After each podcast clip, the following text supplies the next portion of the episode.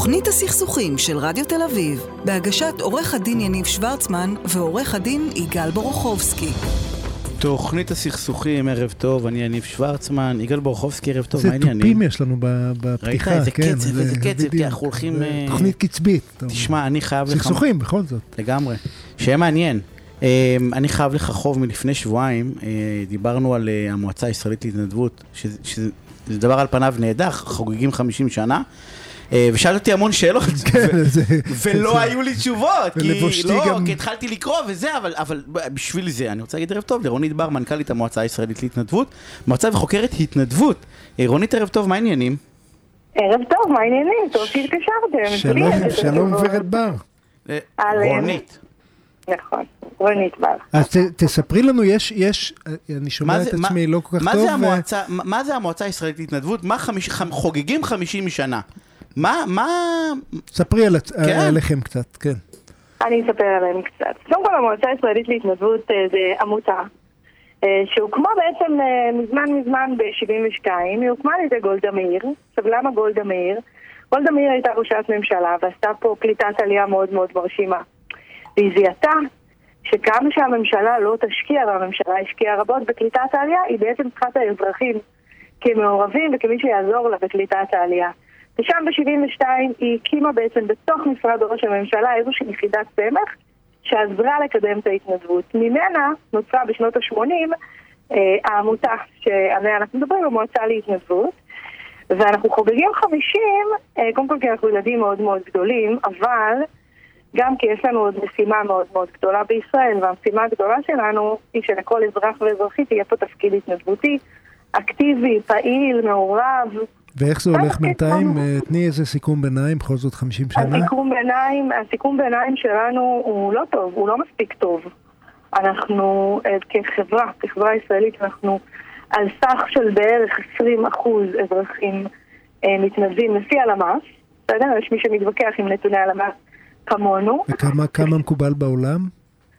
בעולם, תראה, אנחנו מדברים על מעל 25 אחוזים לפחות, ואפילו יש מדינות שאנחנו מדברים על 35 אחוז, 40 אחוז, אבל המדידה קצת שונה, וזה הוויכוחים המקצועיים שלנו כאנשי מקצוע, יחד עם הלמ"ס, שבעצם שואל שאלה האם אתה מתנדב וכן לא.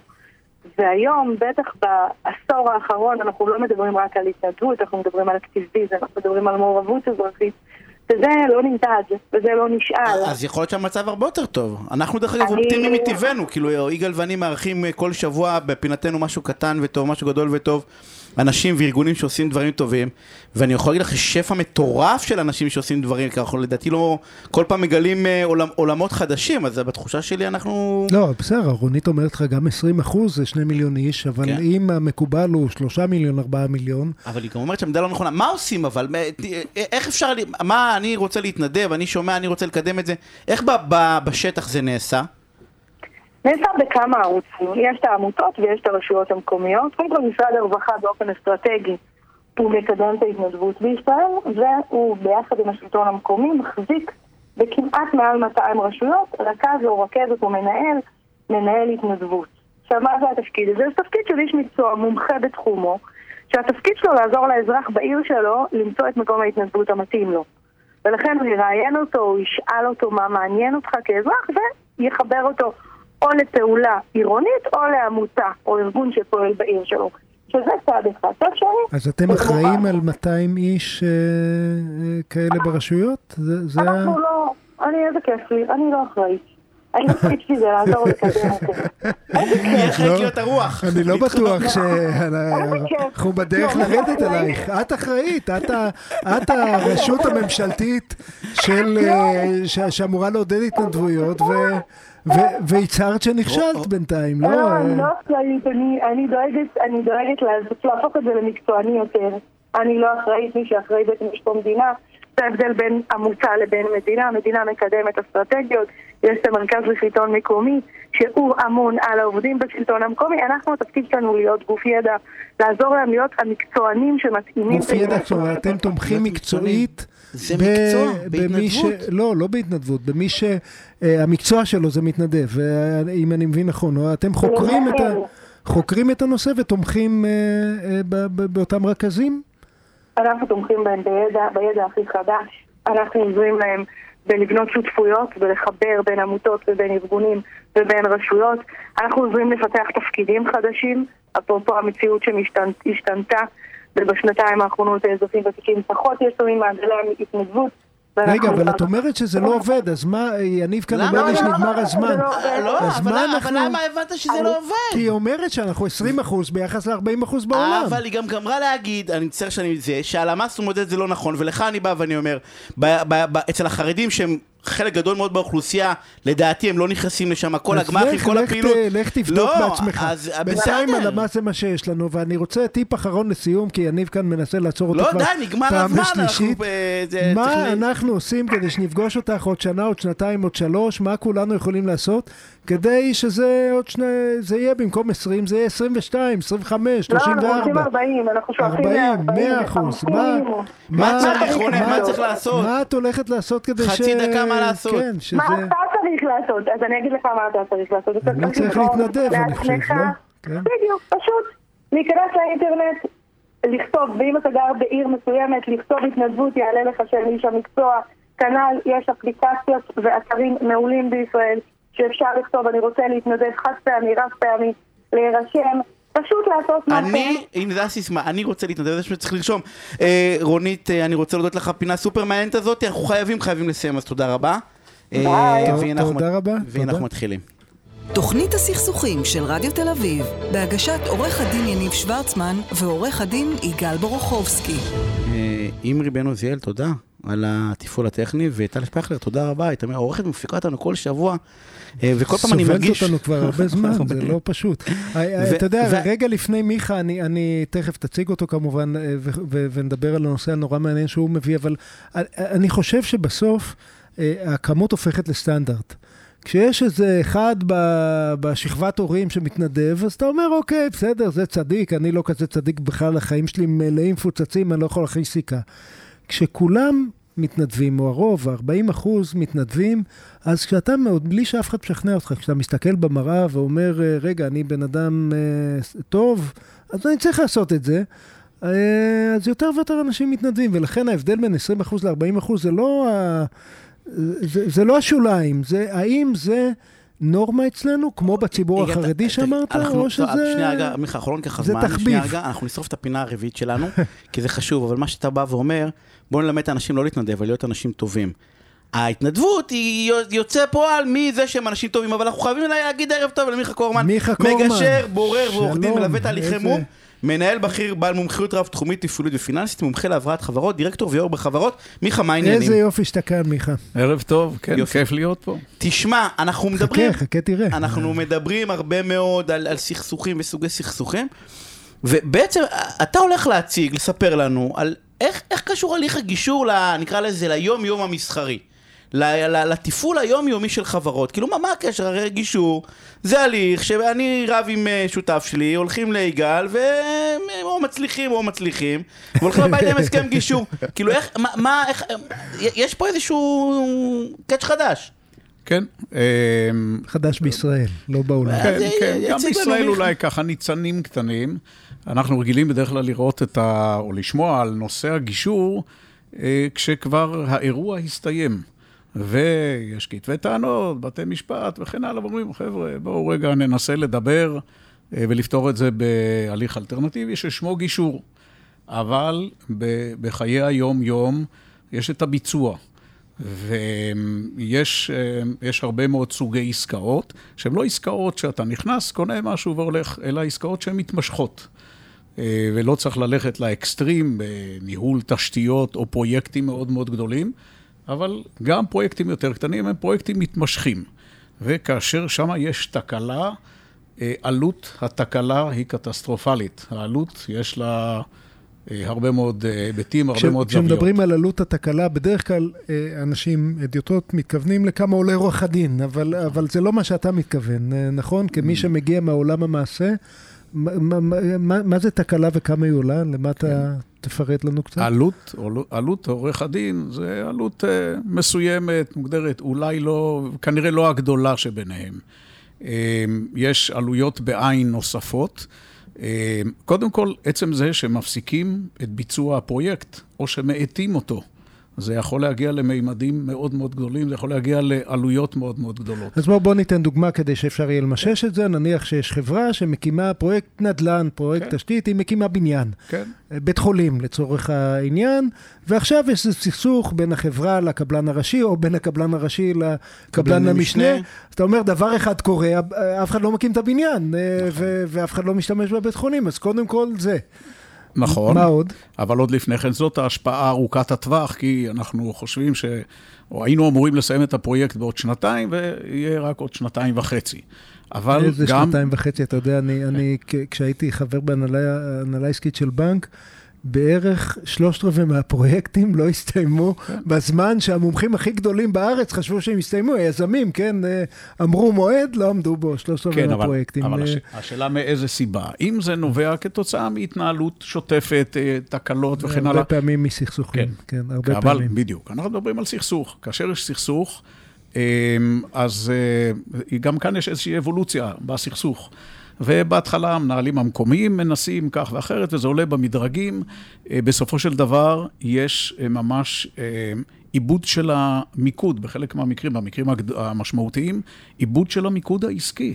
ה-management attention, במקום לנהל את העסק ולנהל את שאר הפרויקטים והחברה, פתאום כולם תופסים איזושהי... זאת אומרת, החברה במקום להתנהל ולהשיג כן. את מטרותיה, פתאום הופכת להיות אה, משהו שמרוכז בנט הסכסוך הזה. אבל, כן?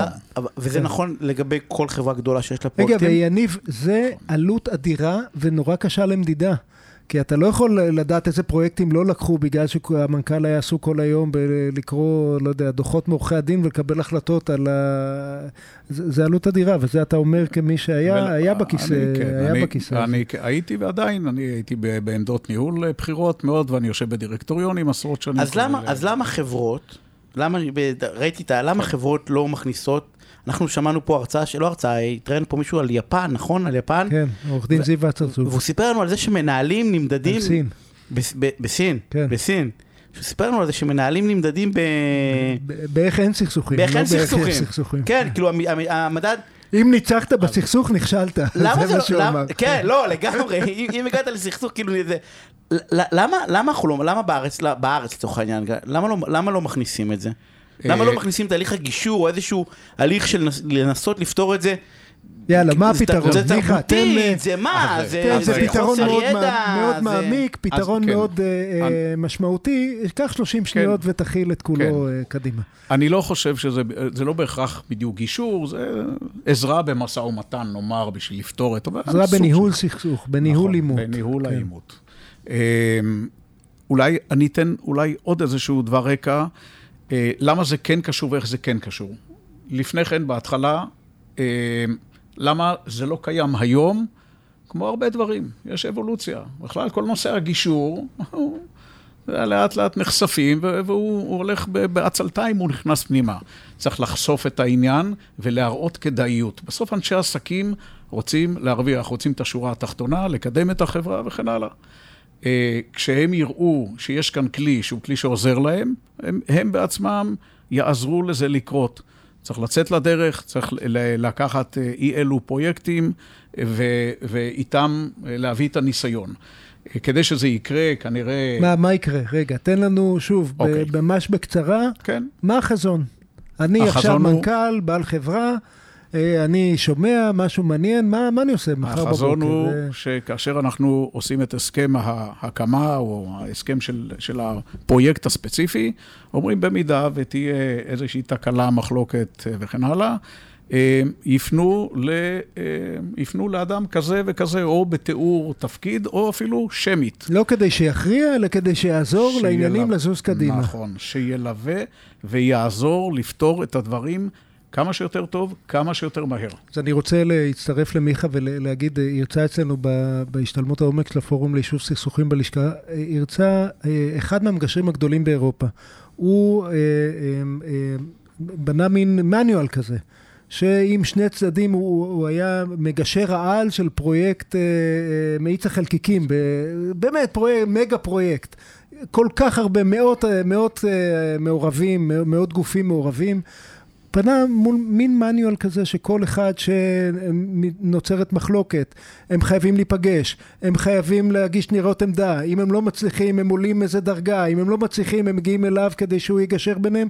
אומר, המניואל כשלעצמו יצר תרבות כולם כל כך פחדו להגיע עד להליך הגישור המלא, שבכל השנים היו רק שלושה גישורים. כל השאר אמרו, די, מה אנחנו צריכים את כל הפרוצדורה הזאת, נסתדר כבר בינינו ונתקדם הלאה.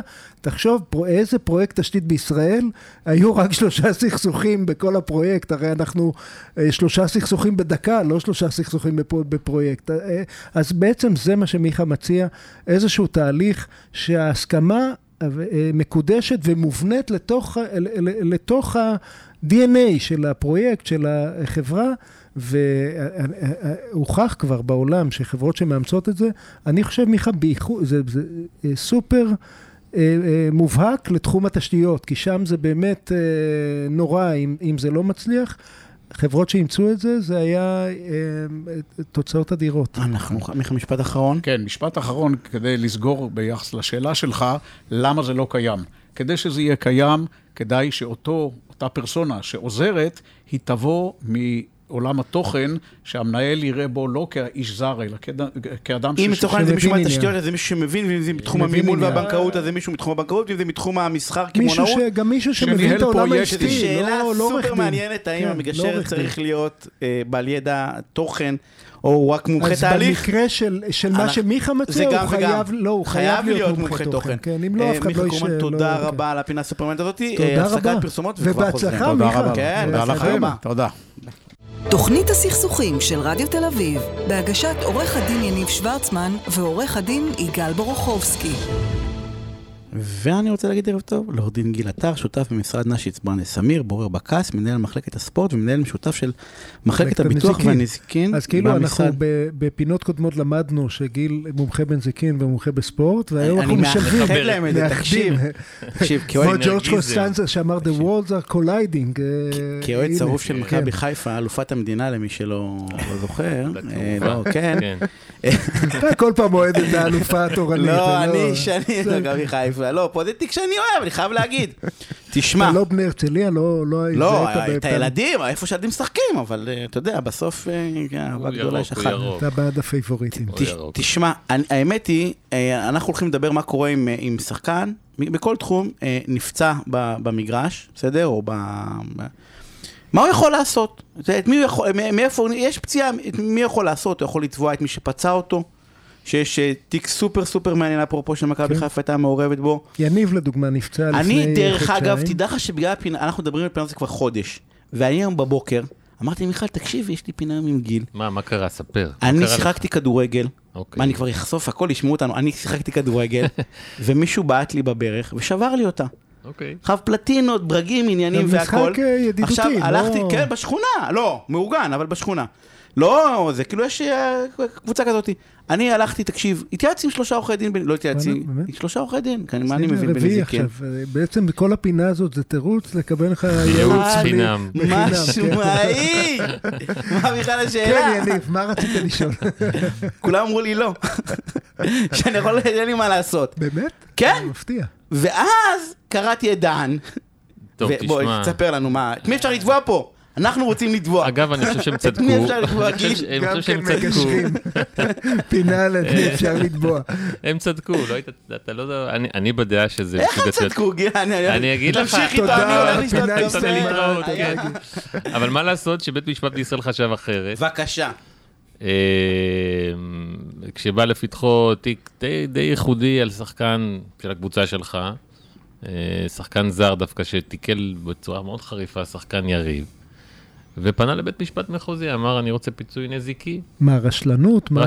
הוא טען שהייתה כוונה, הוא טען שני דברים, הוא טען אה, תקיפה. כוונה, תקיפה, ואמר לחלופין, אה, פזיזות, זאת אומרת רשלנות בצורה ממש ממש בולטת וקיצונית. ואז אתה אומר, רגע, אנחנו לא המצאנו את הגלגל, נכון? אנחנו לא מדינה יחידה בעולם, בוא נראה מה קורה בעולם. ואז אתה מגלה שיש באמת פסיקות רבות בעולם כולו עם גישות שונות.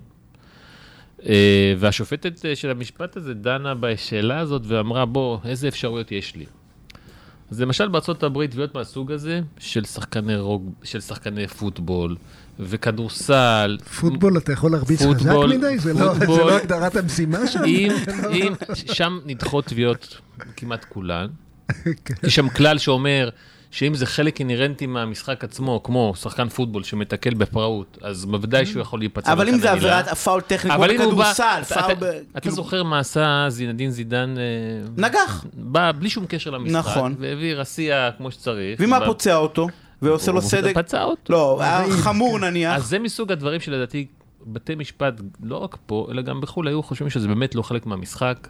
ותקיפה מהסוג, וזו הייתה תקיפה. רגע, אבל עזוב, זה באמת מקרה קיצון, אבל בואו ניקח את הדוגמת מכבי חיפה, או דוגמת יניב, מה שקורה הרבה פעמים, נכון. מישהו מתקל בפראות. אז מה שקרה פה, בית המשפט אה, אה, אמר את הדבר הבא, אני מאמין לנפגע שהשחקן פצע אותו בכוונת מכוון, בלי קשר למשחק. אני די התקוממתי על האמירה הזאת, כי אמרתי, מה, אנחנו ניכנס למוח של השחקן, מה הוא מתכוון? רואים את הסרטון בווידאו.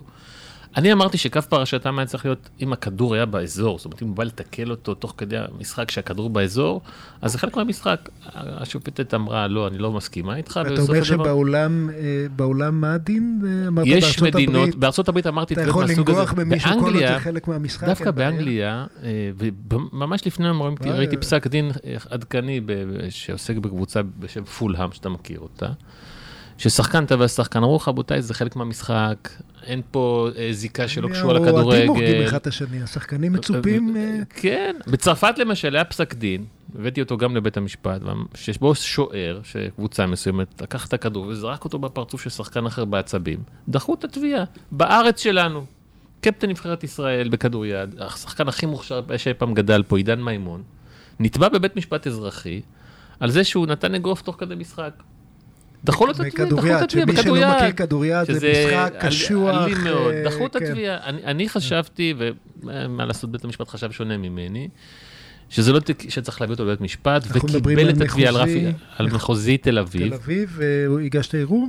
הגשנו ערעור, ואז באנו לרכב שופטים בבית המשפט העליון. הוא הבין את הקושי, אה, של ה... את המשמעות של פסיקה שמאפשרת, כי אתם כל שבת משחקים בארץ מאות שחקנים, מגיל ילדים, נוער, בוגרים. בכל מיני במגרשים כאלה ואחרים, לא בדיוק. אלפים רבים. פה, מה ש... אני חושב שמה שהיה מאוד לא... מאוד... מה שהיה מאוד מהותי פה זה גם הצורה של הפגיעה, זו הייתה פגיעה באמת, נורא נורא לראות אותה. ובית המשפט אמר לי את הדבר הבא, אמר, אני מבין, אני מבין את הקושי, אני מבין את המשמעויות, אבל זה, אני מוכן לומר את האמירה הבאה, שזה מקרה מאוד קיצוני, מאוד נדיר, שנכון רק לנסיבות הספציפיות של המקרה הזה, ולכן אני לא מתערב. זאת אומרת, הוא הבין את המשמעות שיכולה להיות מחר לא- בוקר. הוא לא כתב פסק דין. הוא, לא, הוא אמר, אני מציע למשוך את הערעור, אה, אבל אנחנו משכנו כשהוא נאמר בפסק הדין, שזה בגלל הנסיבות המיוחדות של המקרה. אבל משפטית, אם אתם שואלים אותי, זה מדרון כן. חלקלק מאוד. רגע, זה הלכה, נכון להיום, היא שאני... אז זה מה שאני אומר, זה לא הלכה. שהעצה שקיבלתי היא לא טובה. רק אם תוכיח לדעתי. יש לך צילום? רוב הדברים לא מצולמים. בדיוק. אז איך תוכיח? אני רק עכשיו לעירייה לחפש שם משהו. אל תשכח. יש את הצילום של הברך אחר כך, לפני ואחרי. אגב, בכלל, מה שמצחיק הוא שפסק הדין האנגלי הראשון שעסק בתחום הזה, זה בכלל עסק במקרה של סוס, שתוך כדי תחרות סוסים, רוכב הסוסים נפגע, ואז התחילה פסיקה אנגלית מאוד... מה, תבעו את הסוס? ותבעו את זה שפגע בסוס שפגע ברוכב, ושם התחילה פסיקה. אה, לא, אבל למשל תחרות אופניים, אני חותך מישהו והוא עף הצידה, יש כל מיני דברים ש... תראו, אז אני אומר לכם, לדעתי, בית המשפט מאוד מאוד ייזהרו. מאוד ייזהרו, אה, מאוד ייזהרו, זה אירוע שתועד וצולם, ובאמת הוא היה קשה מאוד, ובית המשפט התרשם שכנראה היה פה... עכשיו, מה שהכריע את הדין בסיפור הזה היה עדותו של השופט של המשחק, הזמינו את השופט של המשחק. ושאלה אותו, טוב, אתה במרכאות אובייקטיבי, כן, בטח, אה, שטרית, שי שטרית. אוקיי. הוא הוציא כרטיס? ושאלה אותו, הוא הוציא מיד אדום. אדום. והיא שאלה אותו, הוא אומר, תשמע, זה טוען ככה, זה טוען ככה, אתה אובייקטיבי, מה אתה חושב? הוא אומר, הוא התכוון להרוג אותו, ככה הוא אמר. אז ברגע שאמרת, נגמר התיק. התיישבת. אז שאלתי אותו, תגיד, רגע, איפה אתה? אגב, אני חשבתי, אני מקווה שנהגת לא בנימוס כלפי האימא של השופט במקרה הזה, לא, ששמרת על... אמרתי לה שאני חושב ש... שאלתי אותו את השאלה, רגע, אתה ידעת שהיינו מתחממים, אז למה לא הוצאת אותו כרטיס צהוב? למה לא הזהרת? כאילו, היא אמרה, מה אתה רוצה לטעון שהוא גם חלק מהאירוע הזה? שהשופט הודעת צד ג'. היא הסתכלה על עצמה. הנזיקיסטים תמיד... כן, בדיוק. אז היא אמרה, לא, לא, אל תלך לכיוון הזה, זה לא כיוון טוב, אל תחפש עוד כיס. רגע, אז... אז רגע, השורה התחתונה... לא, אני אומר, שחקן, אתה בא ואומר, שחקן... אתה חושב שהתשובה האמיתית היא לא, אי אפשר לתבוע מי שפגע בי. אפשר לתבוע, אני חושב שהפסיקה... אבל אפשר לתבוע, אפשר לתבוע את כולם, אבל... אני חושב ש... מקרים קיצוניים. זה ממש סותר את העקרונות של ספורט. אגב, יש הגנה קלאסית של הסתכלות מרצון. רגע, אבל עזוב מה שאתה חושב, רגע תהיה יועץ למי שנפגע. מי שנפגע, אם הפגיעה היא קיצונית. אולי הוא מצא חברת ביטוח, תסכים לשלם לו כמה שקלים, זה חלק מה... אם זה לא חלק מהמשחק, והפגיעה הייתה לא קשורה בשום דבר לאירוע הספורטיבי עצמו, יכול להיות. אבל כמו שראיתם, גם עידן ממון חשב שהוא, אה, חשבו שהוא צריך לשלם, ובית המשפט אמר לא, למרות שהוא... אבל גיל, אה, חלק מהמשחק או לא חלק, חלק מהמשחק זה לעשות דברים שהם לא חלק מהמשחק. מה זה פאול?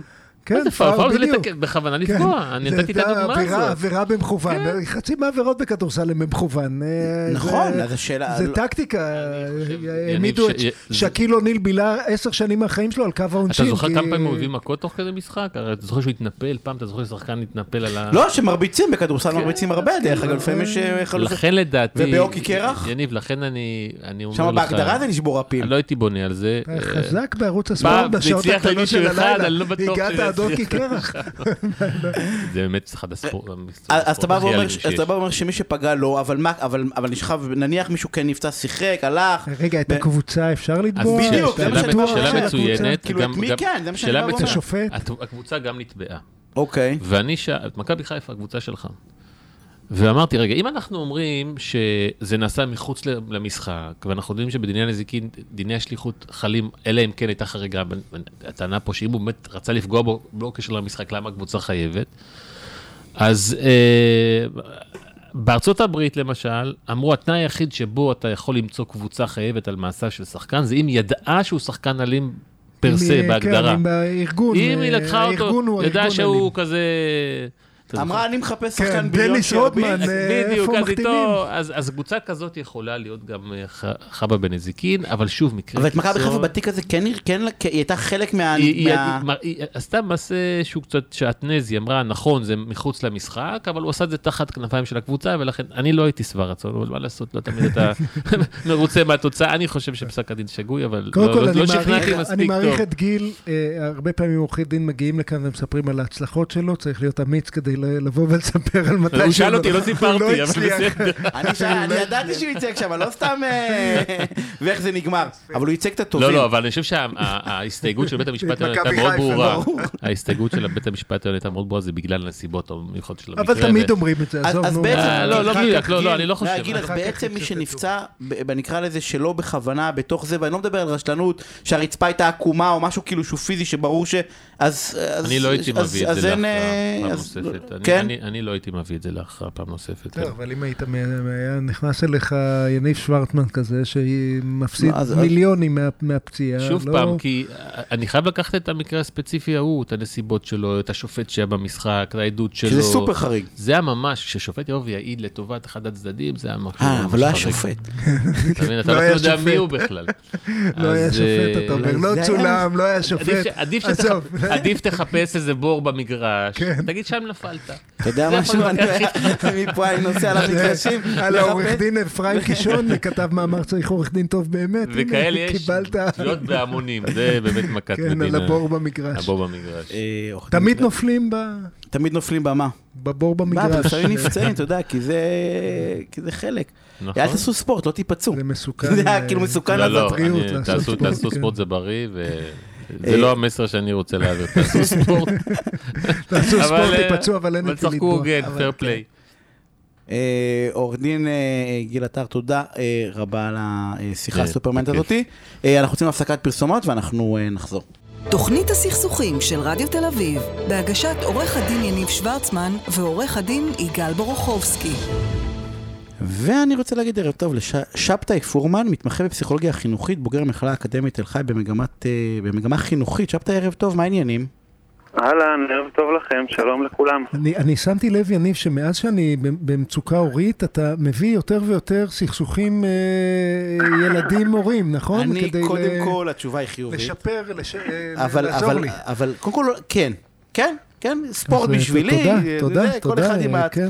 תשמע, קראתי, נתקלתי במחקר שעשה שבתא במסגרת התואר השני, נכון? כן, כן. את זה שהוא כתב, אה, אותי ריתקה סופר כי לא תיאורטית. לא, והיא ממש משהו שנוכח בכל בית, בכל בית אנחנו... בגני ילדים, ואני רואה אותי, תקשיב, אני רואה אותי הולך לאימון של הבן שלי. תסביר, תסביר על מה התזה. ש... כי... למה שאני אסביר? שבתאי תסביר. שבתאי תסביר, קדימה. מה התזה? הכותרת היא מסכים, מסכים וילדים. כן. אה, אין, אין בית שלא מתלבט בזה. לגמרי, אז באמת אני חושב שמי שקורא את התזה שבכוונה אה, כתבתי אותה בצורה שתהיה גם אה, קריאה ונגישה וכל אחד יוכל לראות את עצמו. אז אני חושב שמי שקורא את זה מאוד יכול uh, להתחבר, כי זה באמת משהו שכולנו מתמודדים, ואני חושב שזה יחסית חדש לנו. אני ככה באופן אישי כן uh, עוקב תקופה ארוכה, כבר, כבר כמה שנים, ואני כן מזהה שיש uh, כבר יותר uh, מודעות, וזה משמח, ואני שמח שאני שם יד ועוד איזה אבן במודעות לעניין הזה. מסכים, הורים, ילדים. אני חושב שזה משהו חשוב, בעיקר... רגע, אז מה, מה, מה חשוב? כן, תספר, בדיוק. הילד שלי... מה עשיתם? שנייה לפני רגע. התוכנית, הילד שהתקשר לשאול אותי אם הוא יכול להיות במסכים. מה להגיד לו, כן או לא? מה בדקתם? אז בואו נמקד, כי אני, עניין אותי בעיקר... האינטראקציה בין ההורים לילדים. בסדר, זה מה שאני חוקר ככה באופן כללי, אינטראקציה בין הורים לילדים, זה מה שאני עושה גם בעבודה שלי, בהתמחות, ועניין אותי ספציפית איך המסכים, יותר נכון הסמארטפונים, אה, נכנסים שם. איך הם אה, נכנסים, ומה הם משפיעים, ולאיזה השלכות קורות. באופן ספציפי, זה הזכיר לי, זה הזכיר כן. את השיחה עם דוד שלך, בסדר? הם הלכו וצפו בגני ילדים. לראות את כן. האינטראקציה בין הורים לבין הורים והמסכים, בסדר? של ההורים. של ההורים. ובין הילדים. והמסכים לא- של הילדים. לא, נניח ילדים כבר משחקים. ומה גיליתם? כן. זהו, אז קודם כל אני אגיד שהייתי באמת צריך אה, למצוא מקום לעשות את זה, אני לא יכול להיכנס לבתים לאנשים, אז הפתרון הזה שגם משחקים היה אפשרי.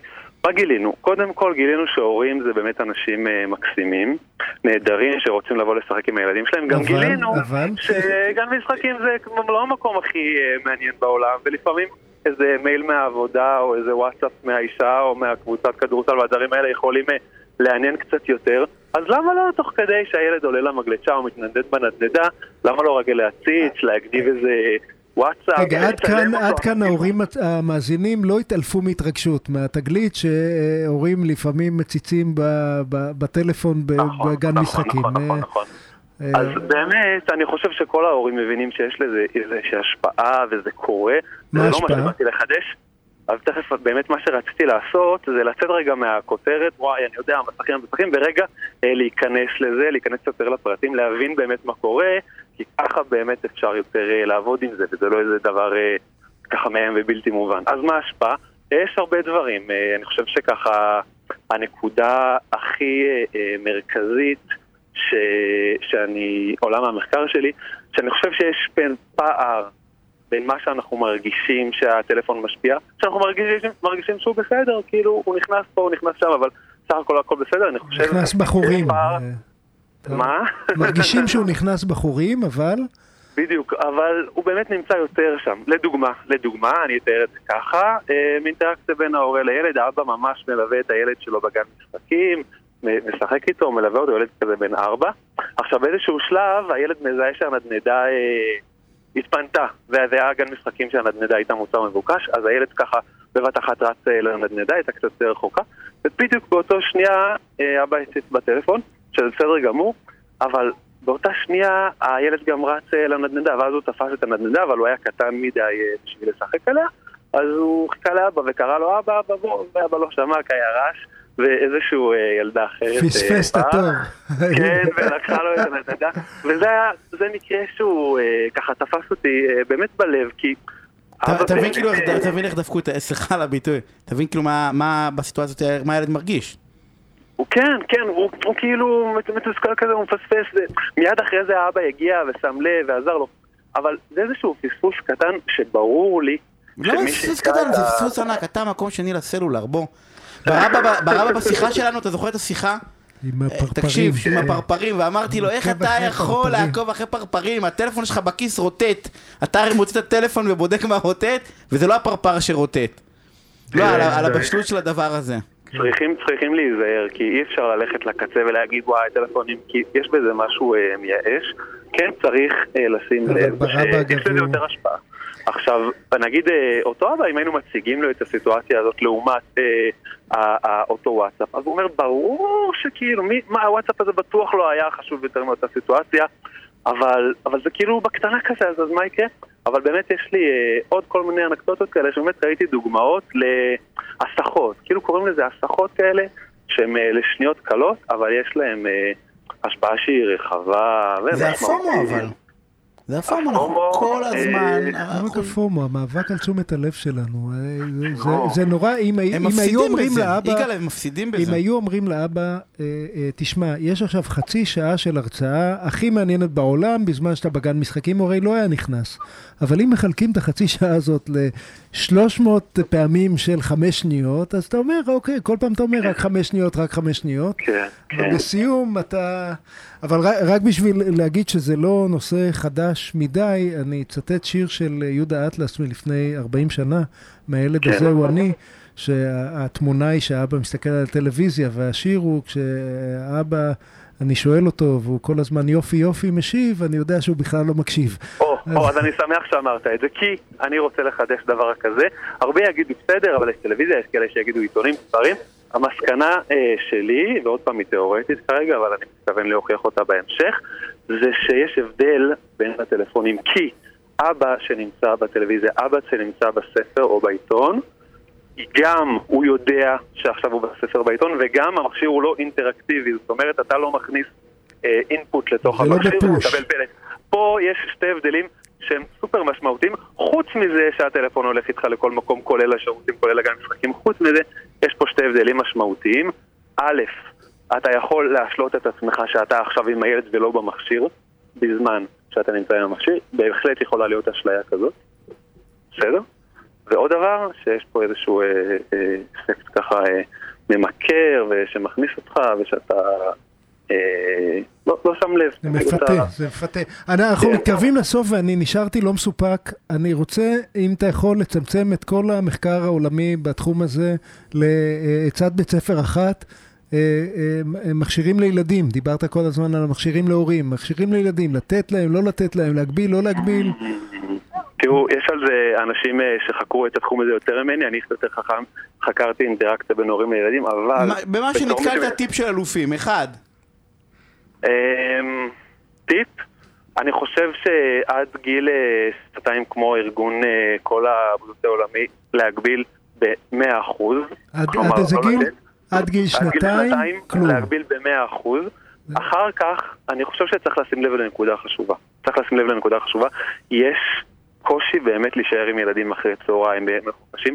אה, המסכים הם בהחלט נותנים פתרון לטווח הקצר. אני רוצה שכל הורה שבוחר לתת את הפתרון הזה, וזה בסדר גמור לתת את הפתרון, אני רוצה אבל שההורה ידע שיש לזה מחיר, כמו שבייביסיטר אה, יש לזה איזשהו מחיר, אה, כמה שקלים לכל שעה, אז גם יש מחיר, ברגע שאתה שם ילד מול המסך יש לזה איזשהו אה, מחיר, עוד לא מספיק מבינים אותו, עוד לא מספיק יודעים אותו, עוד חוקרים אותו, הכל כאן בהתחלה, אבל שימו לב, הורים יקרים, ובכלל לא הורים, כל האוכלוסייה, שימו לב שכל התחום הזה עוד נמצא בהתחלה שלו ועוד לא מבינים אותו לגמרי. אנחנו חייבים, חייבים לסיים. סקפטיות. שבתאי פורמן, תודה רבה על הפינה הסופר מעניינת הזאתי. אני מציע שנמשיך לעשות ניסויים על הילדים שלנו ונעדכן עוד 40 שנה מה קרה. אני רוצה רגע להגיד לך, אבל תוך כדי רשמתי כי זה סופר חשוב בעיניי.